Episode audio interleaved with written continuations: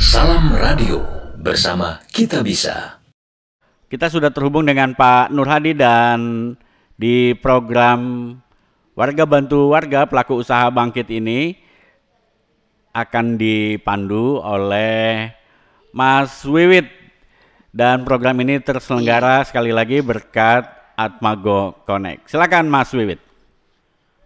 Baik, terima kasih Bang Agustian. Ya, selamat pagi, salam pendengar. Halo, Bang. Iya. Iya, Ya. suaranya terdengar. Terdengar dengan baik. Suara terdengar ya. Oke, baik, Hmm. terima kasih.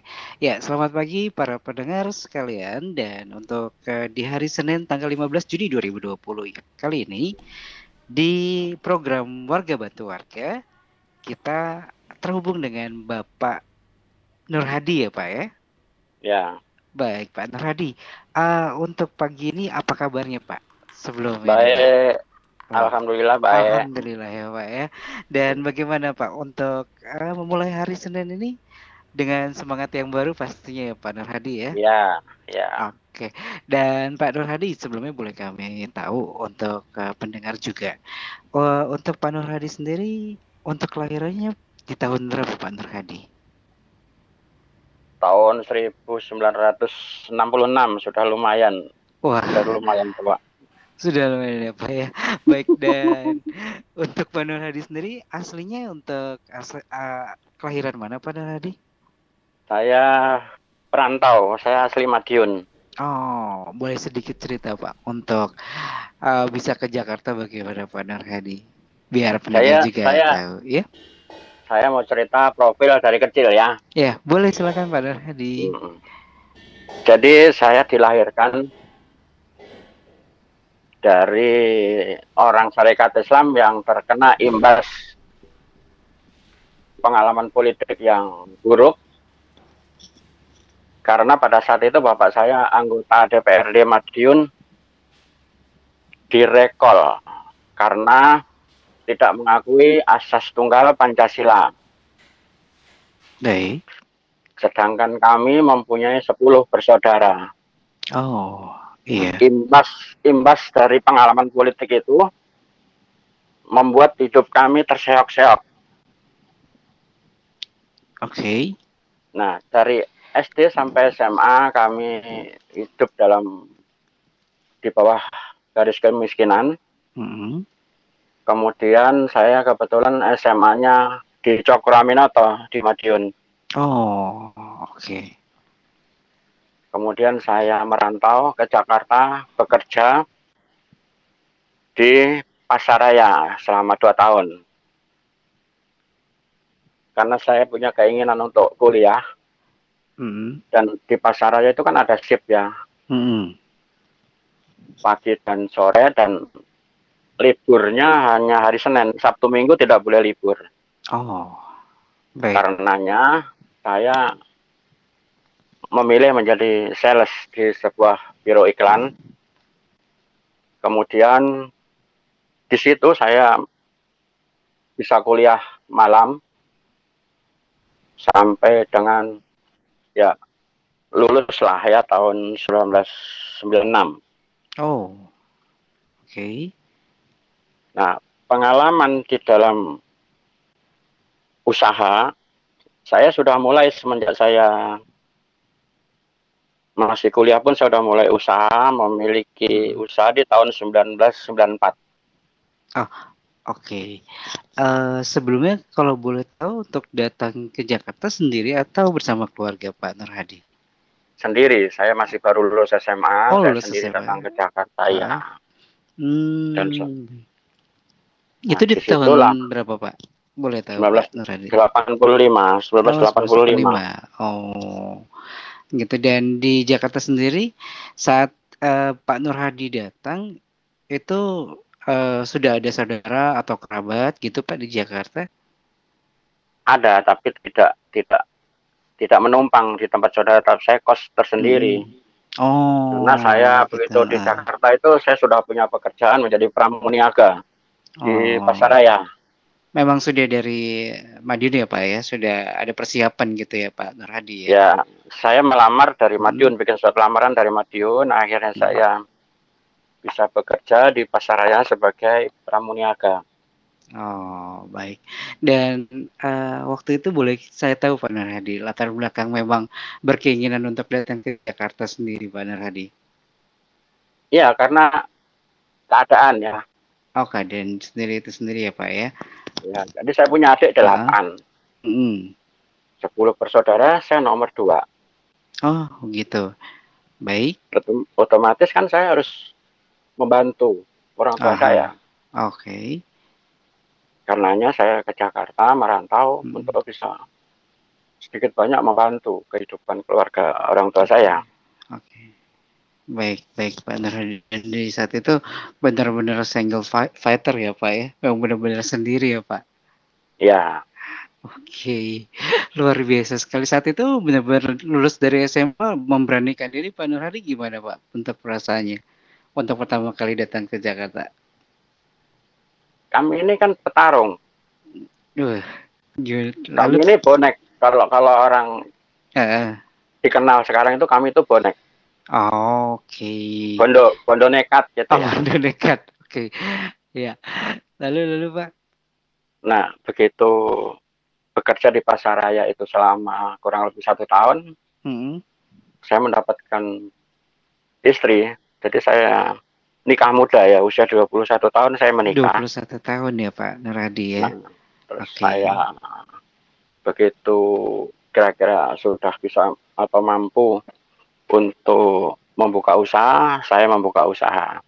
Oh, itu bekerja di Pasaraya berapa lama Pak? Boleh tahu Pak Nur Hadi? Dua, dua tahun, dua tahun. Dua tahun ya, dan Ya. ketemu sama eh, Istri di situ. Istri itu di situ juga di Ya, Pasaraya ya, juga. ya. Oke.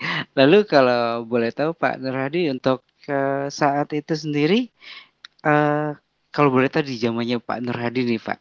Ah, saya kan saya juga belum tahu Pasaraya itu seperti apa sih Pak untuk di kala itu di tahun-tahun seperti itu.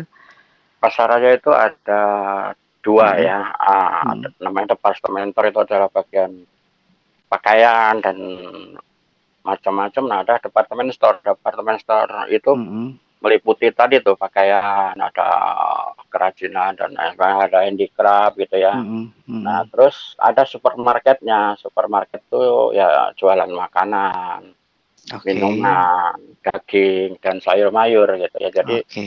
saya saya berpengalaman di dua divisi itu gitu. Jadi ya saya lumayan berpengalaman lah Berpengalaman di untuk Pramuniaga di, untuk di di retail, di Oh, retail ya. Hmm. Oke, Iya.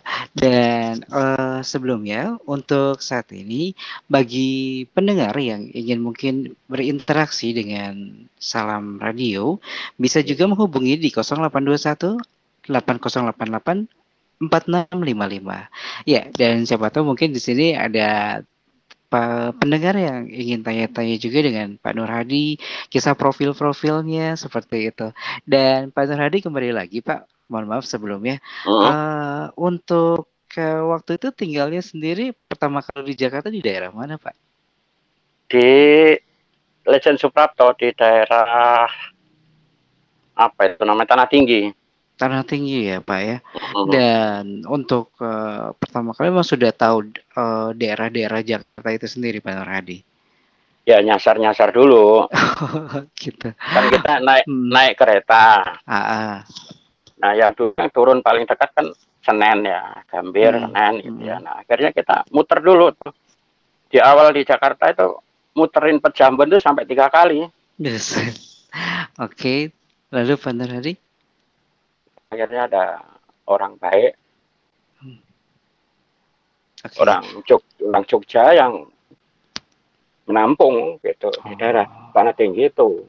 Oh, di daerah Tanah Tinggi situ ya. Dan Ya. untuk setelah usaha, eh, maaf, setelah bekerja dua tahun dan terinspirasi untuk membangun usaha sendiri, Pak Nur Hadi ini seperti eh, latar belakangnya apa, Pak? Untuk keinginan pertama kali untuk membangun usaha Pak Nur Hadi. Jadi pengalaman kecil membuat saya harus siap. Artinya saya masuk ke dunia politik saya harus siap. Oke. Jadi bukan bukan indahnya politik yang saya bayangkan, tapi suramnya politik seperti yang ayah saya alami gitu. Baik, Pak Narhadi. Jadi Bapak sudah mengenal politik sudah lama banget ya Pak ya? Ya, dari SMA kami memang sekolah di Cokro dan bapak saya orang politik. Hmm. Suka Saat diajak tukar pendapat dan uh, macam-macam perihal politik gitu. Oh, dan di situ memang di saat SMA di Cokroaminoto itu baru uh, memang sudah mengenal banyak tentang politik itu sendiri ya Pak Nurhadi ya. ya dulu dulu ada majalah hmm. majalah itu Panjimas namanya. Di situ saya banyak membaca tentang pergerakan yeah. tentang politik. Akhirnya saya mengenal politik dan dari 10 bersaudara hanya saya yang melanjutkan hanya bapak saja. Cita-cita bapak saja. Iya, oh, yang melanjutkan cita-cita bapak saya hanya saya karena kakak saya juga masuk di PNS, adik saya yeah. kebanyakan buat PNS dan ada yang di kantor pajak dua gitu ya. Yeah. Dan hanya saya yang maka supaya anak dan istri saya tidak mengalami hal yang sama dengan saya, yeah. makanya pada saat kita sudah mampu, istri saya saya buatkan usaha PPR syariah. Oh baik. Nah, Jadi saya uh, ada usaha lain yaitu kargo. Jadi andai kan saya ditangkap, andai kan saya paling pahit dalam politik itu menjadi tumbal, insya Allah anak gadis saya tidak kelaparan seperti saya pada saat itu. Nah, oke okay, Pak Nurhadi. Ya, uh, menarik sekali nih ya Pak Nurhadi ya. Untuk uh, kita juga pengen tahu juga bahwa mungkin kalau untuk uh, tidak ada ketakutan dari Pak Nurhadi sendiri dengan politik kita sendiri, Pak. Oh, tidak, tidak. Maka tadi sudah saya bilang bahwa hmm. prinsip hidup saya adalah kita berasal dari nol. Anda kan kembali ke nol pun saya tidak takut. Gitu artinya bahwa manusia kan hanya melaksanakan Allah Tuhan juga yang menentukan segalanya kan gitu. Oke, nah uh, kalau untuk Pak Nur Hadi sendiri pertama kali uh, ini tentang usaha Pak Nur Hadi. Kalau boleh tahu nih Pak, uh, untuk Pak Nur Hadi sendiri ketika usaha pertama kali itu di bidang apa Pak Nur Hadi? Saya mengawalinya pada saat itu di bidang printing ya atau percetakan. Jadi pada pada saat 90-an itu uh, printing itu atau percetakan itu masih lumayan bagus prospeknya karena seluruh kementerian itu membuat buku, ada buku panduan, buku pedoman, dan lain sebagainya. Dan itu situlah keahlian saya dalam mengoreksi sebuah buku, membuat layout yang baik, dan itu yang disukai oleh uh, user kita di kementerian. Ada kementerian pertanian, ada kementerian kooperasi. Dulu bukan kema bukan kementerian kooperasi, ya namanya departemen kooperasi, departemen pertanian. Oh, okay. Dan di situ di situ hmm. kita bisa meyakinkan bahwa saya bisa gitu. Akhirnya uh, user merasa senang dengan hasil karya itu, maka di situlah kita eksis gitu ya. Dari tahun 96 itu saya tadinya berupa CV atau komanditor yeah. Venus Cup. Akhirnya di tahun 2000 kita tingkatkan menjadi PT. Oh, begitu. Baik, namun ya. Pak Nurhadi uh, sebelumnya ditahan terlebih dahulu kita sekilas untuk informasi berikut ini dulu ya Pak Nurhadi ya. Ya. Ya, baik terima kasih Pak Nurhadi.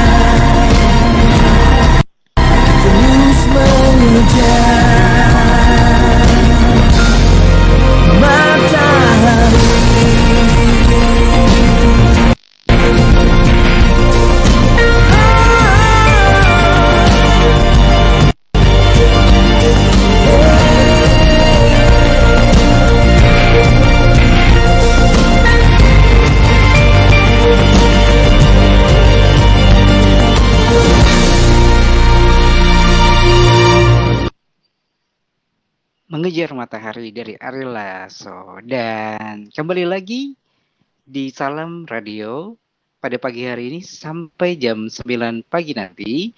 Di mana untuk program kali ini bersama saya dengan Wiwit di Warga Bantu Warga bekerja sama dengan Atmago. Oke, uh, baik dan untuk pendengar yang ingin berinteraksi juga dengan uh, saat ini terhubung dengan Bapak Nur Hadi seorang pengusaha advertising percetakan juga uh, bisa menghubungi Salam Radio di 0821 8088 4655. Baik.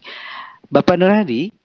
Ya. Iya, baik. Terima kasih Bapak. Sebelumnya untuk di sini menarik sekali Pak tadi tentang awal mula untuk membangun sebuah usaha Pak Nur Hadi ya.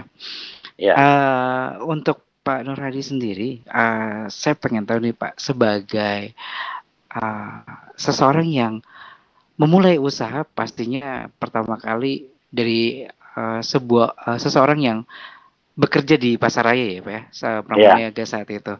Uh, pertama kali memberanikan diri istilah kata kalau uh, di zaman sekarang dibilang zona nyaman ya Pak ya. Ya, ya, ah. alhamdulillah. Nah, itu saat itu apa ya, Pak, yang terpikirkan untuk uh, keluar dari zona nyaman lah, Pak, seperti itu, Pak Terhadi. Jadi begini, pada saat itu kan kita itu tadi karena saya akan masuk ke dunia politik, maka saya harus mandiri. Hmm. Itu yang pertama ya. Kedua, okay. uh, karena politik itu pasti tidak selamanya menguntungkan. Makanya saya uh, membuat sesuatu saya pelajari sesuatu dan saya satu kunci saya bahwa saya harus bisa meyakinkan orang bahwa orang percaya dengan saya gitu kan.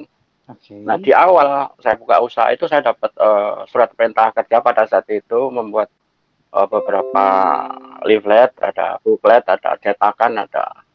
Dan itulah modal awal saya untuk bisa uh, membuka usaha itu setelah itu dapat SPK dan itu pun masih pinjam pada saat itu pinjam perusahaan orang gitu ya. Hmm. Nah terus akhirnya uh, pekerjaannya saya lempar kembali, saya ada selisih di situ. Nah selisih itulah buat mendirikan PT apa CV pada saat itu. Jadi yeah. kita uh, membuat akte perusahaan, domisili dan lain sebagainya sehingga kita bisa bermain sendiri di tender hmm. itu gitu. Luar biasa. Akhirnya, ya itu hmm. jadi saya dari kepercayaan orang gitu ya. Bukan berarti saya harus mempunyai modal dulu tidak. Karena mm -hmm. saya memang pada saat itu tidak punya modal gitu kan. Oh gitu. Baik, ya. baik. lalu eh, pertama kali yang memang dikerjakan saat itu membuat orang percaya itu eh, dasarnya apa benar Hadi boleh tahu? Ya pertama eh, seperti hal yang saya pelajari Cokro itu tuh meyakinkan orang di mana saja gitu ya Oh, Oke. Okay. Dan bisa dilakukan di kedai kopi, bisa tempat nongkrong dan lain sebagainya. Nah, di situlah akhirnya saya mengenal seseorang. Seseorang hmm. itu dulu namanya Pimro gitu ya, dan hmm. akhirnya dia dia bilang kita coba gitu ya. Pada saat itu saya punya kontrak pertama SPK itu 49 juta. Oke. Okay. Nah, di situlah akhirnya saya berani membuat CV dan domisili lain sebagainya supaya saya bisa ikut sendiri untuk main di proyek-proyek hmm. pemerintah gitu kan. Hmm. Oke okay, oke okay, Pak. Jadi memang basicnya Bapak memang di sini adalah latar uh, untuk Pak Nurhadi istilahnya fansnya Pak Cokro ya Pak ya. Ya. Dan bukan hanya itu, hmm. Nabi Muhammad yeah. juga menyampaikan kepada seseorang untuk meyakinkan seseorang itu adalah strategi marketing kan sebenarnya itu. Iya, benar sekali sih, Pak. Nah, sekarang namanya strategi marketing. Padahal dulu uh, Nabi Muhammad SAW itu hmm. sudah melakukannya.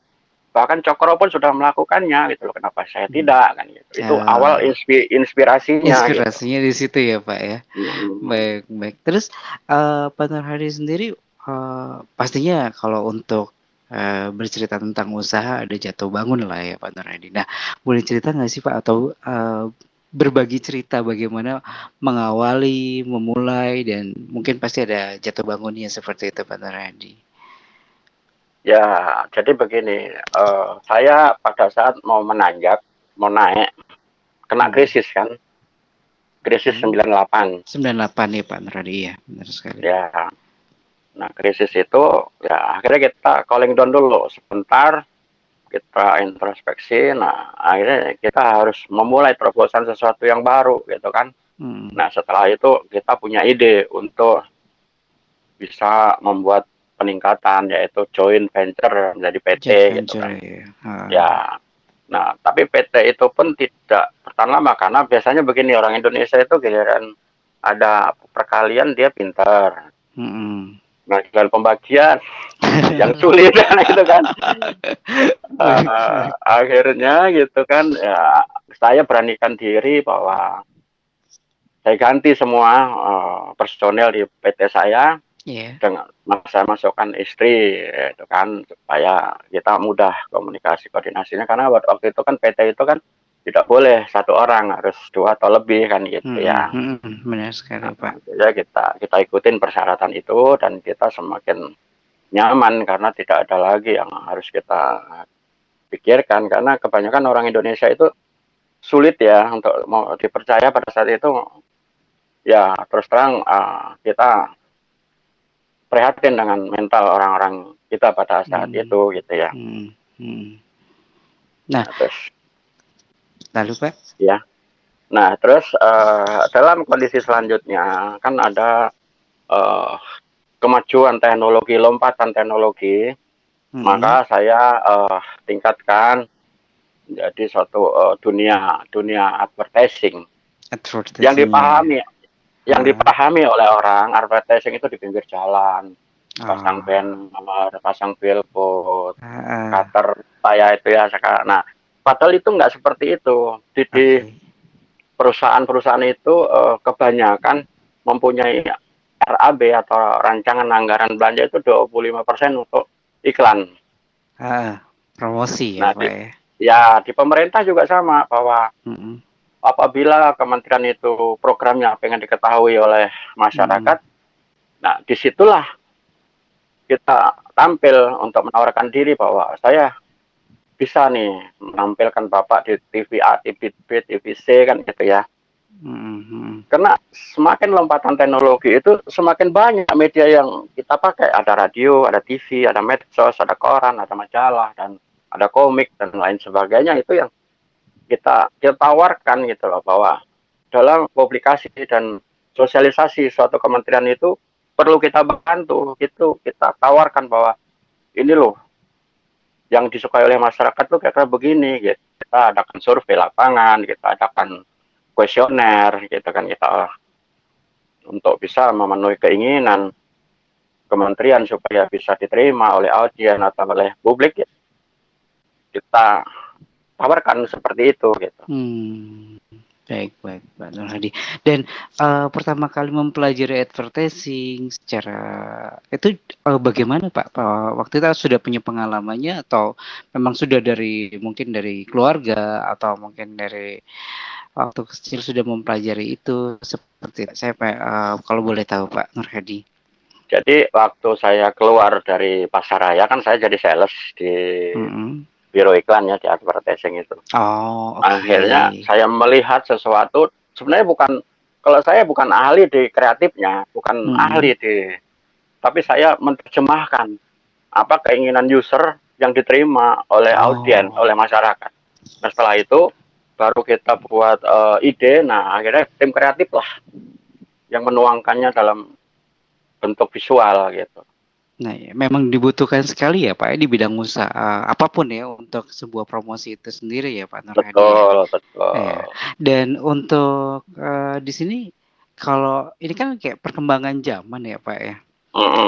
Eh, dengan begitu banyak eh, media mm-mm. dan juga dengan berbagai para pesaingnya, ini Ya. untuk eh, Pak Nur Hadi sendiri menyikapinya seperti apa Pak? Itu sebenarnya pesaing itu dari dulu ada, kompetitor Iya. itu selalu ada. Tetapi kita harus punya inovasi, punya kreativitas. Mm-mm, Karena benar itu. Di lembaga kebijakan pengadaan barang jasa pemerintah itu tidak ada standarnya. Justru itulah yang menguntungkan kita. Karena waktu itu saya sudah ke LKPP minta standar, Mm-mm. distandarkanlah harga ini dan, dan dia nggak bisa karena memang tidak ada patokan yang baku untuk bisa mengukur itu. Nah, Hmm. di situlah profit kita Mm-mm. lebih lumayan gitu loh daripada uh, tadi bidang retail dan lain sebagainya. Nah, di situ akhirnya kita zona nyaman alhamdulillah gitu seperti itu. Seperti halnya kemarin di bulan puasa ya, kan ini iya. pertanyaannya uh, apa masih bisa survive kan gitu ya. Benar sekali. Pak. Nah, di bulan puasa kemarin ada kan di televisi itu ada program sahur, ada program buka puasa di TV apa itu kan kita dapat beberapa outlet, kita dapat beberapa mm -hmm. iklan dari sponsor gitu yang kita masukkan di TV itu sebagai kita sebagai agensi kan. Itulah yang membuat kita bisa bertahan dan insya Allah akan bertahan ya, karena pasti. ke depan ini semua pasti dibutuhkan karena seperti halnya ya maaf kata ya suplemen apa itu kan perlu promosi kan di waktu-waktu pandemi seperti ini gitu Benar sekali sih Pak daya tahan tubuh nah itu itu peluang gitu loh nah kita hmm. tawarkan hmm. ini loh saya punya media TV ini ini ini ini gitu kan iya. ada metos ada koran majalah nah, itu kita ah. titipkan nanti di situ kan nah inilah ya. yang membuat kita insya Allah ke depan akan tetap bertahan gitu. Benar-benar sekali Pak. Dan itu memang sangat dibutuhkan. Apa pun usahanya, apa pun bidangnya memang apa advertising ini memang sangat dibutuhkan sekali Pak Nurhadi. Ya. Namun ini sangat menarik sekali sih Pak. Saya uh, banyak hal yang uh, saya ingin tanyakan namun sebelumnya Pak kita tahan kembali Pak ini untuk ya. uh, kita untuk mendengarkan satu lagu lagi ya Pak Nurhadi ya. Ya. Baik, ya. terima kasih.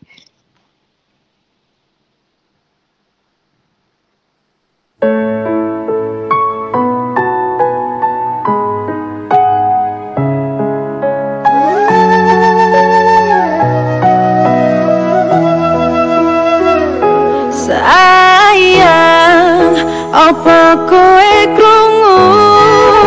Cerita hatiku mengharap engkau kembali. Sayang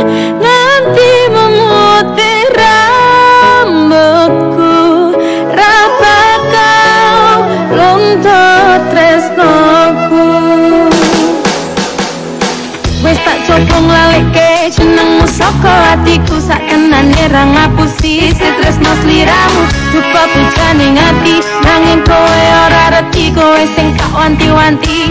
Malah cepol saiki kowe mlenjani janji cari sehidup semati nanging apa bukti? Kowe medhot tresnoku demi wedokan liya. Yo wis ora apa-apa insyaallah aku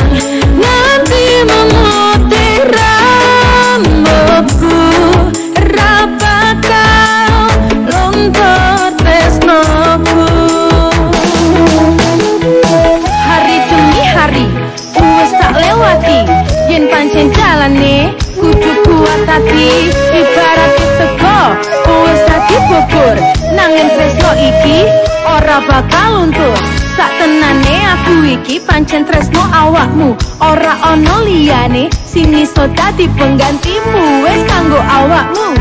Sing cocok ning atiku nganti atiku jeret atimu ra bakal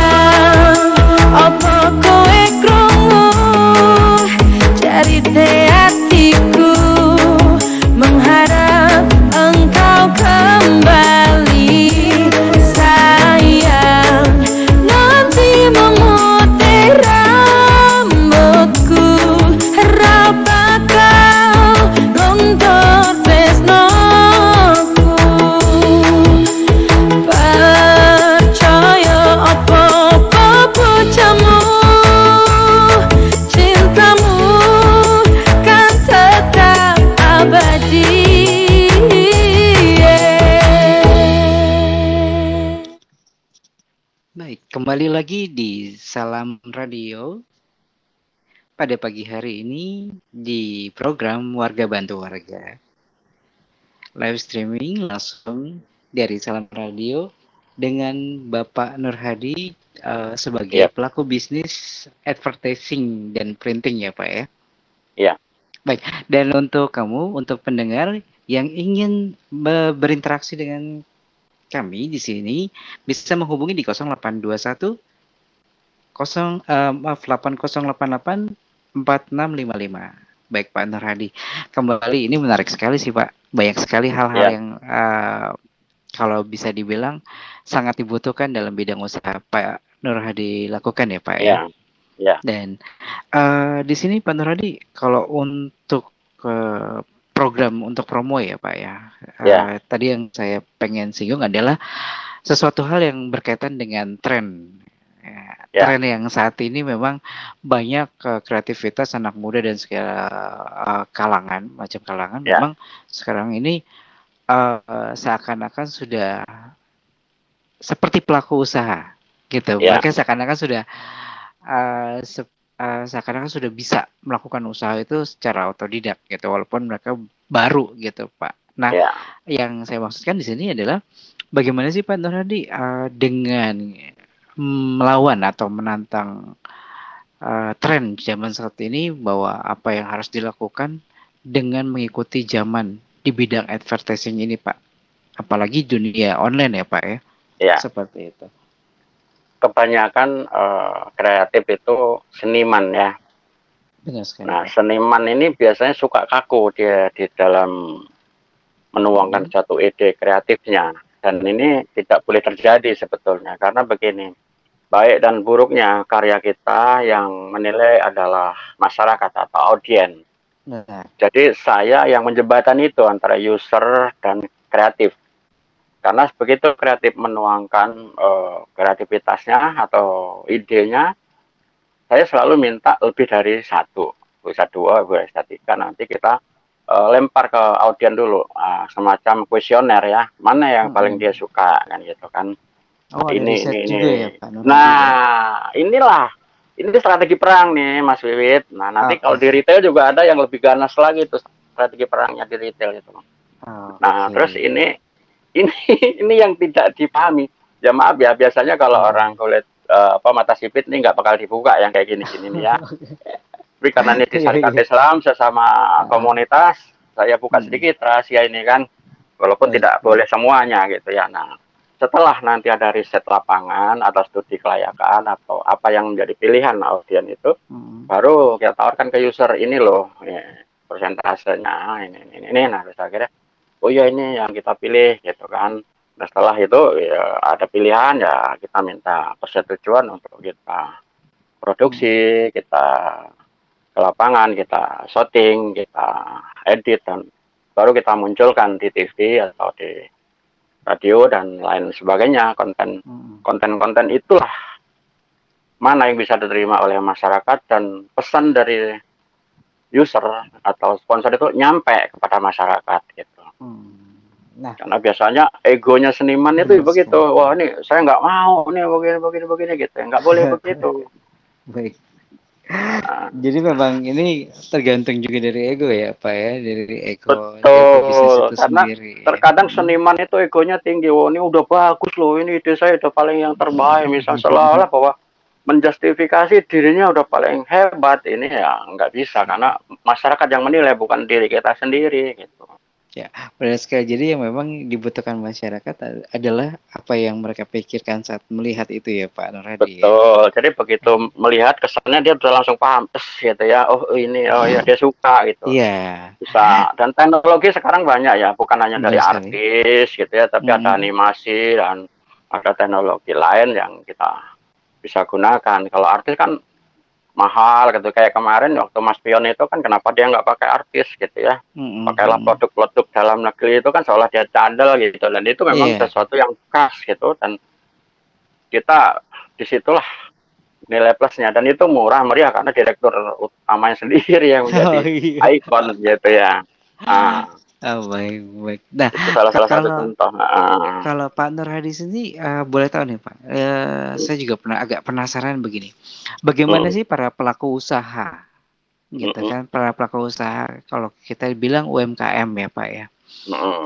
Eh, seberapa mereka peduli Pak dengan eh, bidang advertising ini? UMKM kesadaran tentang promosi masih sangat rendah ya karena mungkin faktor Mm. Pembiayaan, faktor padahal itu sebenarnya tidak semuanya mahal ya karena di medsos apa di media-media yang mu- murah juga banyak gitu ya. Mm-mm. Tapi ya kebanyakan mereka belum belum peduli atau belum nyampe ilmunya saya nggak tahu ya karena ini faktor faktor penting sebetulnya. gitu. Benar, benar banget Pak. Eh, ini sangat penting sekali Pak Nur Hadi. Apalagi bagaimana eh, kalau kita bilang bahwa persaingan ya Pak, bagaimana mau besar Pak Ya. ya, kalau misalkan kita nggak dikenal seperti itu Pak Nur Ya. Hadi ya. Nah, Dan- tapi eh, kalau Pak Nur Hadi sendiri bagaimana untuk mensosialisasikan ke sahabat-sahabat UMKM atau warga-warga sekitar kita gitu untuk kepedulian tentang eh, bidang promosi ini untuk usaha mereka Pak Hadi.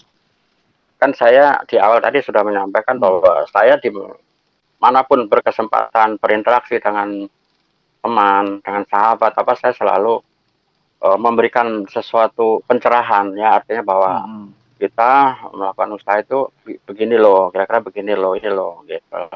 Dan kebanyakan ya maaf kata di kita ini eh, takut dengan tantangan.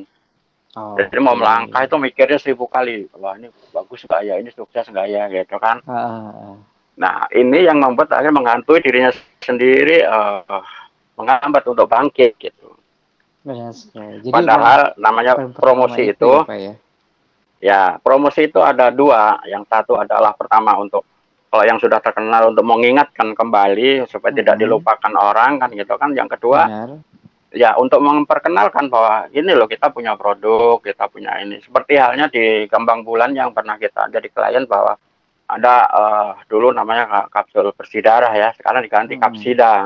Hmm, Nah, hmm, perubahan nama itu eh, karena diminta oleh Badan POM. Ya, akhirnya kita Hmm. promosikan kembali, kita angkat kembali supaya ini dikenal kembali oleh masyarakat gitu.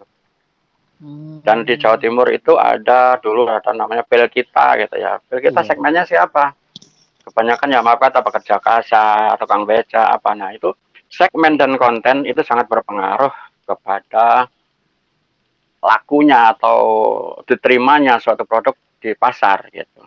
Oh, jadi memang benar-benar harus ada riset ke warga ya, ke Betul, masyarakat itu betul, sendiri ya, Pak ya. betul, betul, betul, betul. Ah, jadi memang membuat promosi itu tidak semudah yang Ya, terlihat di TV atau terlihat di radio. ya. Ah, baik, Dan baik, itu baik. itu Hmm. kelebihan kita tidak dilakukan oleh advertising advertising lain gitu loh. Oke, iya iya iya iya.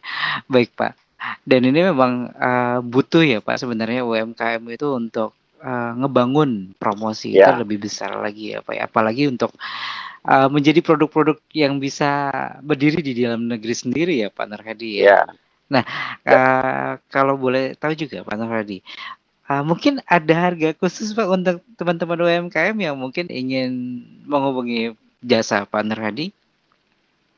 harga itu tergantung kesulitan, tergantung media. Iya. Tergantung- Kalau kita sendiri sebenarnya bisa lah, tapi media apa yang dipakai itu kan kita sebagai agensi misalnya di radio apa, di TV apa harganya Hmm. berbeda-beda. Itu yang kita tidak bisa makanya kenapa di lembaga kebijakan pengadaan barang jasa pemerintah itu tidak bisa menentukan nggak punya patokan gitu karena itu Hmm.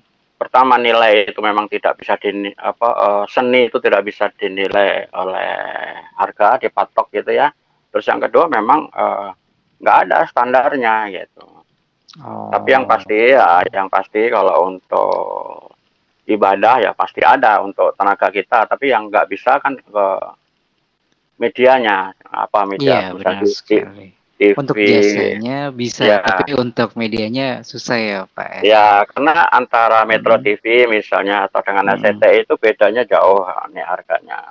Oh, Terus oke. di TV One apa itu berbeda-beda nggak ada yang standar gitu kan. Hmm, baik baik Pak Nur Hadi. Ya, eh, Pak eh, sebelumnya ditahan kembali Pak. Ini kita akan dengarkan dulu kembali satu lagu ya Pak Nur Hadi ya. Ya siap. Baik baik. Terima kasih Pak Nur Hadi.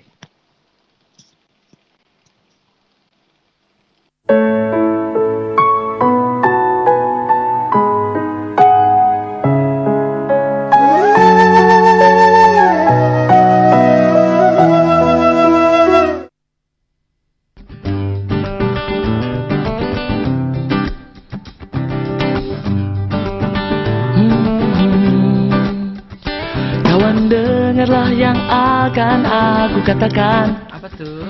Tentang dirimu setelah selama ini. Ternyata kepalamu akan selalu botak. Eh kamu kayak gorila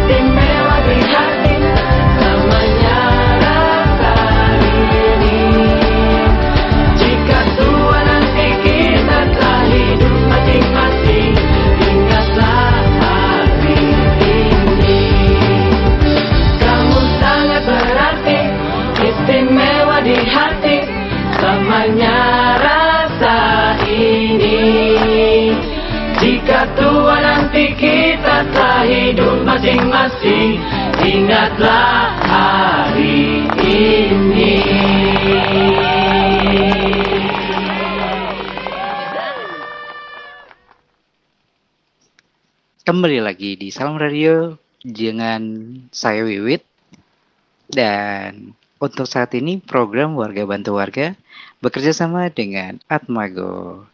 Ya dan saat ini kita masih terhubung dengan Pak Nur Hadi sebagai Ya. salah satu pelaku bisnis untuk bidang advertising dan juga printing ya Pak ya. Ya. Ya, dan pendengar sekalian, jika ada yang ingin ditanyakan atau ingin ke berinteraksi bersama kami bisa menghubungi di 0821 8088 4655. Dan untuk Pak Nur Hadi, eh, sebelumnya Ya. saya boleh tahu Pak, eh, ini kalau misalkan saya ingin berminat nih Pak, karena Hmm. eh, menarik sekali sih Pak paparan yang Hmm. Pak Nur Hadi berikan tadi tentang bidang promosi ini. Apalagi apa eh, jika ada teman-teman UMKM atau teman-teman pelaku bisnis kecil yang memang ingin berpromosi kepada Pak Nur Hadi, bisa menghubungi ke mana Pak? Ke eh, sosmed atau ke nomor teleponnya terlebih dahulu Pak? Ada di HP saya ini ada WA, ada telepon dan ada kita punya Facebook juga ada sebetulnya ya. Teman kalau mau langsung direct dengan saya ya lewat HP, HP ini gitu. HP Oh, ada 0813 805 36122 ada dua ya HP saya. Dan boleh ini hidup diulang terlebih dahulu Pak? Maaf sebelumnya 08 13 13 805 kok 805 36 36 122 122 dan ini yang lagi on air 0816 0816 1666 1666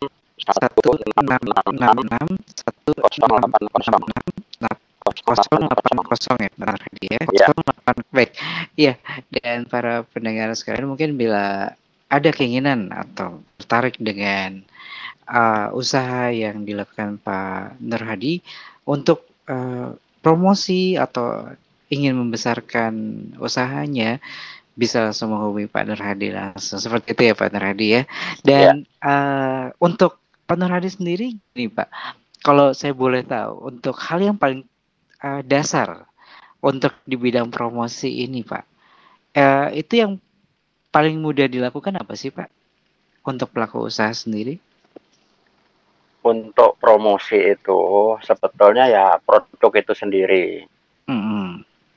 Jadi pengenalan produk atau produk knowledge itu sangat penting Mm-mm. untuk bisa dipasarkan artinya bahwa produk itu misalnya jenisnya apa untuk apa manfaatnya bagaimana atau seperti apa itu namanya Baik. produk knowledge dan harga gitu ya ya. dan Oke. ha- itu yang eh, bisa dimengerti oleh audien atau oleh publik untuk Oke. bisa mengenal satu produk itu gitu ya Oke.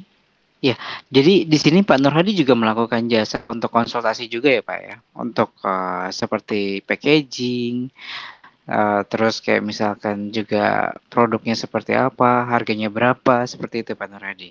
Ya, jadi tentang konten atau artinya tentang bentuk gitu kan ya kita bisa berikan saran atau kita berikan masukan supaya Mm, kemasan kemasan itu menarik seperti apa. benar sekali Pak. Nah, ini penting karena eh, kesan pertama itu adalah pandangan mata. Iya, Setelah benar itu- sekali. Berikutnya baru kualitas produk itu sendiri dan terakhir adalah harga gitu ya. Benar sekali.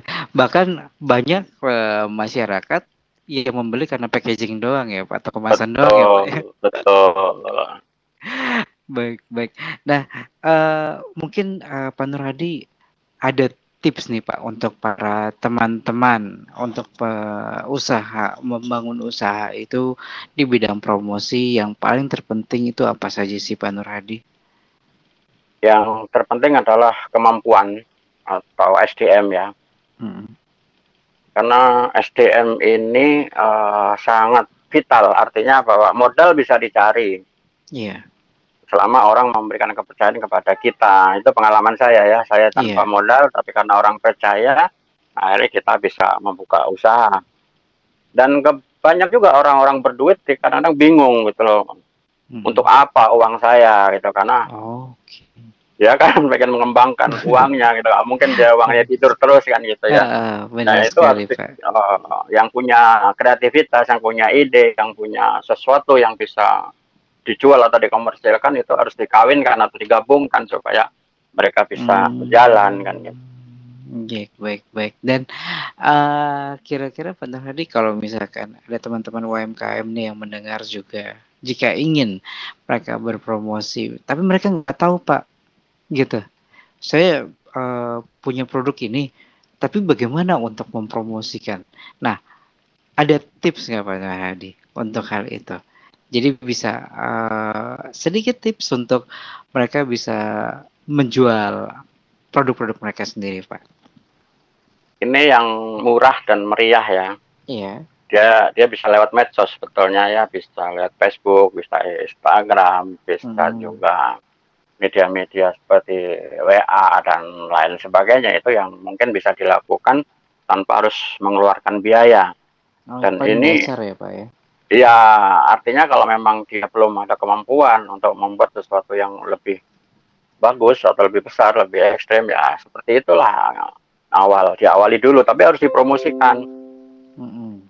Itu yang pertama. Yang kedua dia bisa uh, door to door meyakinkan kepada orang bahwa ini loh saya punya produk ini, saya punya barang bagus ini gitu. Nah, itu ya. Nah, yang ketiga sebenarnya bisa uh, ditaruh di konsinyasi di supermarket atau minimarket, tapi ini uh, banyak beresiko karena biasanya dia pembayarannya lama gitu ya. Oh, baik, baik, ya. Karena eh, mereka biasanya butuh modal besar bahkan ya, Pak ya, kalau menaruh-naruh di Betul. situ. Oh, Betul. baik, baik. Nah, eh, pertanyaan terakhir nih, Pak, nggak kerasa juga Pak Nur Hadi ya. Mm-mm. Eh, eh, ini kalau boleh tahu Pak Nur Hadi, Mm-mm. untuk eh, harapan Pak Nur Hadi bisa eh, kita mau pengen tahu nih Pak harapan Pak Nur Hadi untuk teman-teman UMKM untuk para pelaku usaha di negeri kita terutama ya atau di, di, eh, para pendengar jika Pak Nur Hadi bisa eh, mem- membangun pemikiran ke teman-teman UMKM apa sih yang eh, dibutuhkan ke teman-teman itu atau bisa akhirnya mereka terbuka pemikirannya dalam bidang advertising ini Pak Nur Hadi. Jadi di di mana pun, di posisi mana pun strategi perang itu harus kita punyai. Nah, untuk bisa memahami itu kayak kita sebenarnya harus berkumpul, Oke. membuat membuat suatu komunitas gitu ya. Apalagi di syarikat Islam ya. Iya. Saya tahu benar sekali. persis kemampuan anggota ini seperti apa. Dan itu kalau dia berdiri sendiri-sendiri nggak akan bisa survive, maka harus bersatu, bersama-sama. Iya. bersama-sama gitu. Nah, Hmm. di dalam syarikat Islam ini eh, biasanya tidak mengerti strategi perang. Hmm. Jadi, Namanya dagang itu perang loh, gitu loh. Itu perang, dagang itu perang, usaha itu perang. Gitu. Iya. Tapi Nah, dengan itu bukan dengan senjata ya, Pak. Ya, ah, benar sekali. karena Pak. seperti halnya di eh, minimarket gitu ya. Itu Hmm. setiap detik berperang karena saling intip. Misalnya kayak maaf kata ada dua dua minimarket yang terkenal ya. Iya. Nah itu biasanya saling intip harga beras di sana berapa, harga sini berapa. Misalnya kita kemarin kita turunin walaupun kita rugi, itulah strategi perang. Jadi ada intelijennya gitu. Oke. Nah Tapi eh, begitu juga eh, barang-barang UMKM itu ya supaya kita diterima di pasar kita harus dengan Hmm. harga berapa, apa itu kita Ah. harus ukur standarnya. oh, gitu. Oke, jadi memang kita harus mengatur juga untuk itu semua ya Pak ya. Ya, Oke, riset yang paling pertama berarti ya Pak ya. ya. Untuk riset terhadap masyarakat sendiri. Baik, Ya. baik Bapak. Ya, dan mungkin ada tips Pak buat kami juga eh, sebagai orang-orang yang dibilang pengen bangun usaha di awal itu seperti apa Pak? Yang pertama keberanian dulu ya. Harus dibangun dulu tekad. Nah, terus kedua, kita harus bisa mengukur kemampuan kita di mana. keahlian kita di mana, nilai plus Hmm. kita di mana. Itulah yang membuat kita bisa survive ke depan. Kalau kita tidak memahami kemampuan diri kita sendiri, tiba-tiba kita terjun bebas, ya ini ya membuat malapetaka namanya. Benar sekali ya Pak. Eh, Jadi malah bukan untung malah rugi nih Pak. Nah, itu. Kebanyakan Iya, seperti iya. itu, hanya nekat doang. Ah, ah, ah. Baik, baik, baik, Benar Hadi. Cukup menarik sekali sih Pak untuk tipsnya. Memang itu juga yang harus dilakukan oleh teman-teman. Jadi memang butuh persiapan untuk semuanya ya Pak ya. Ya, ya. Baik, baik Pak Nur. Baik, Pak Nur Hadi, terima kasih banyak untuk waktunya dan juga saran dan serta Baik. tipsnya Pak Nur Hadi. Ini menarik sekali. Semoga kita bisa bertemu lagi Pak Nur Hadi untuk lain Amin. kali bisa um, berbagi ilmunya Pak Nur Hadi dan juga mungkin bisa bekerja sama untuk bidang-bidang yang Bapak lakukan untuk usaha Pak Nur Hadi. Ya, Baik. baik. Ya, dan pendengar sekalian untuk Selam Radio, jika ingin eh, berinteraksi juga atau ingin tahu tentang kegiatan-kegiatan dari Salam Radio, bisa juga menghubungi atau langsung follow di Instagram Salam Radio di salam underscore radio. Dan untuk saat ini, kerjasama dengan Atmago Warga Bantu Warga, sekian terlebih dahulu. Dan kami sangat berterima kasih untuk semua pendengar pada pagi hari ini cukup sekian. Terima kasih dan selalu sehat dan jangan lupa untuk selalu beraktivitas untuk hal yang positif. Terima kasih Pak Nur Hadi, terima kasih juga para pendengar.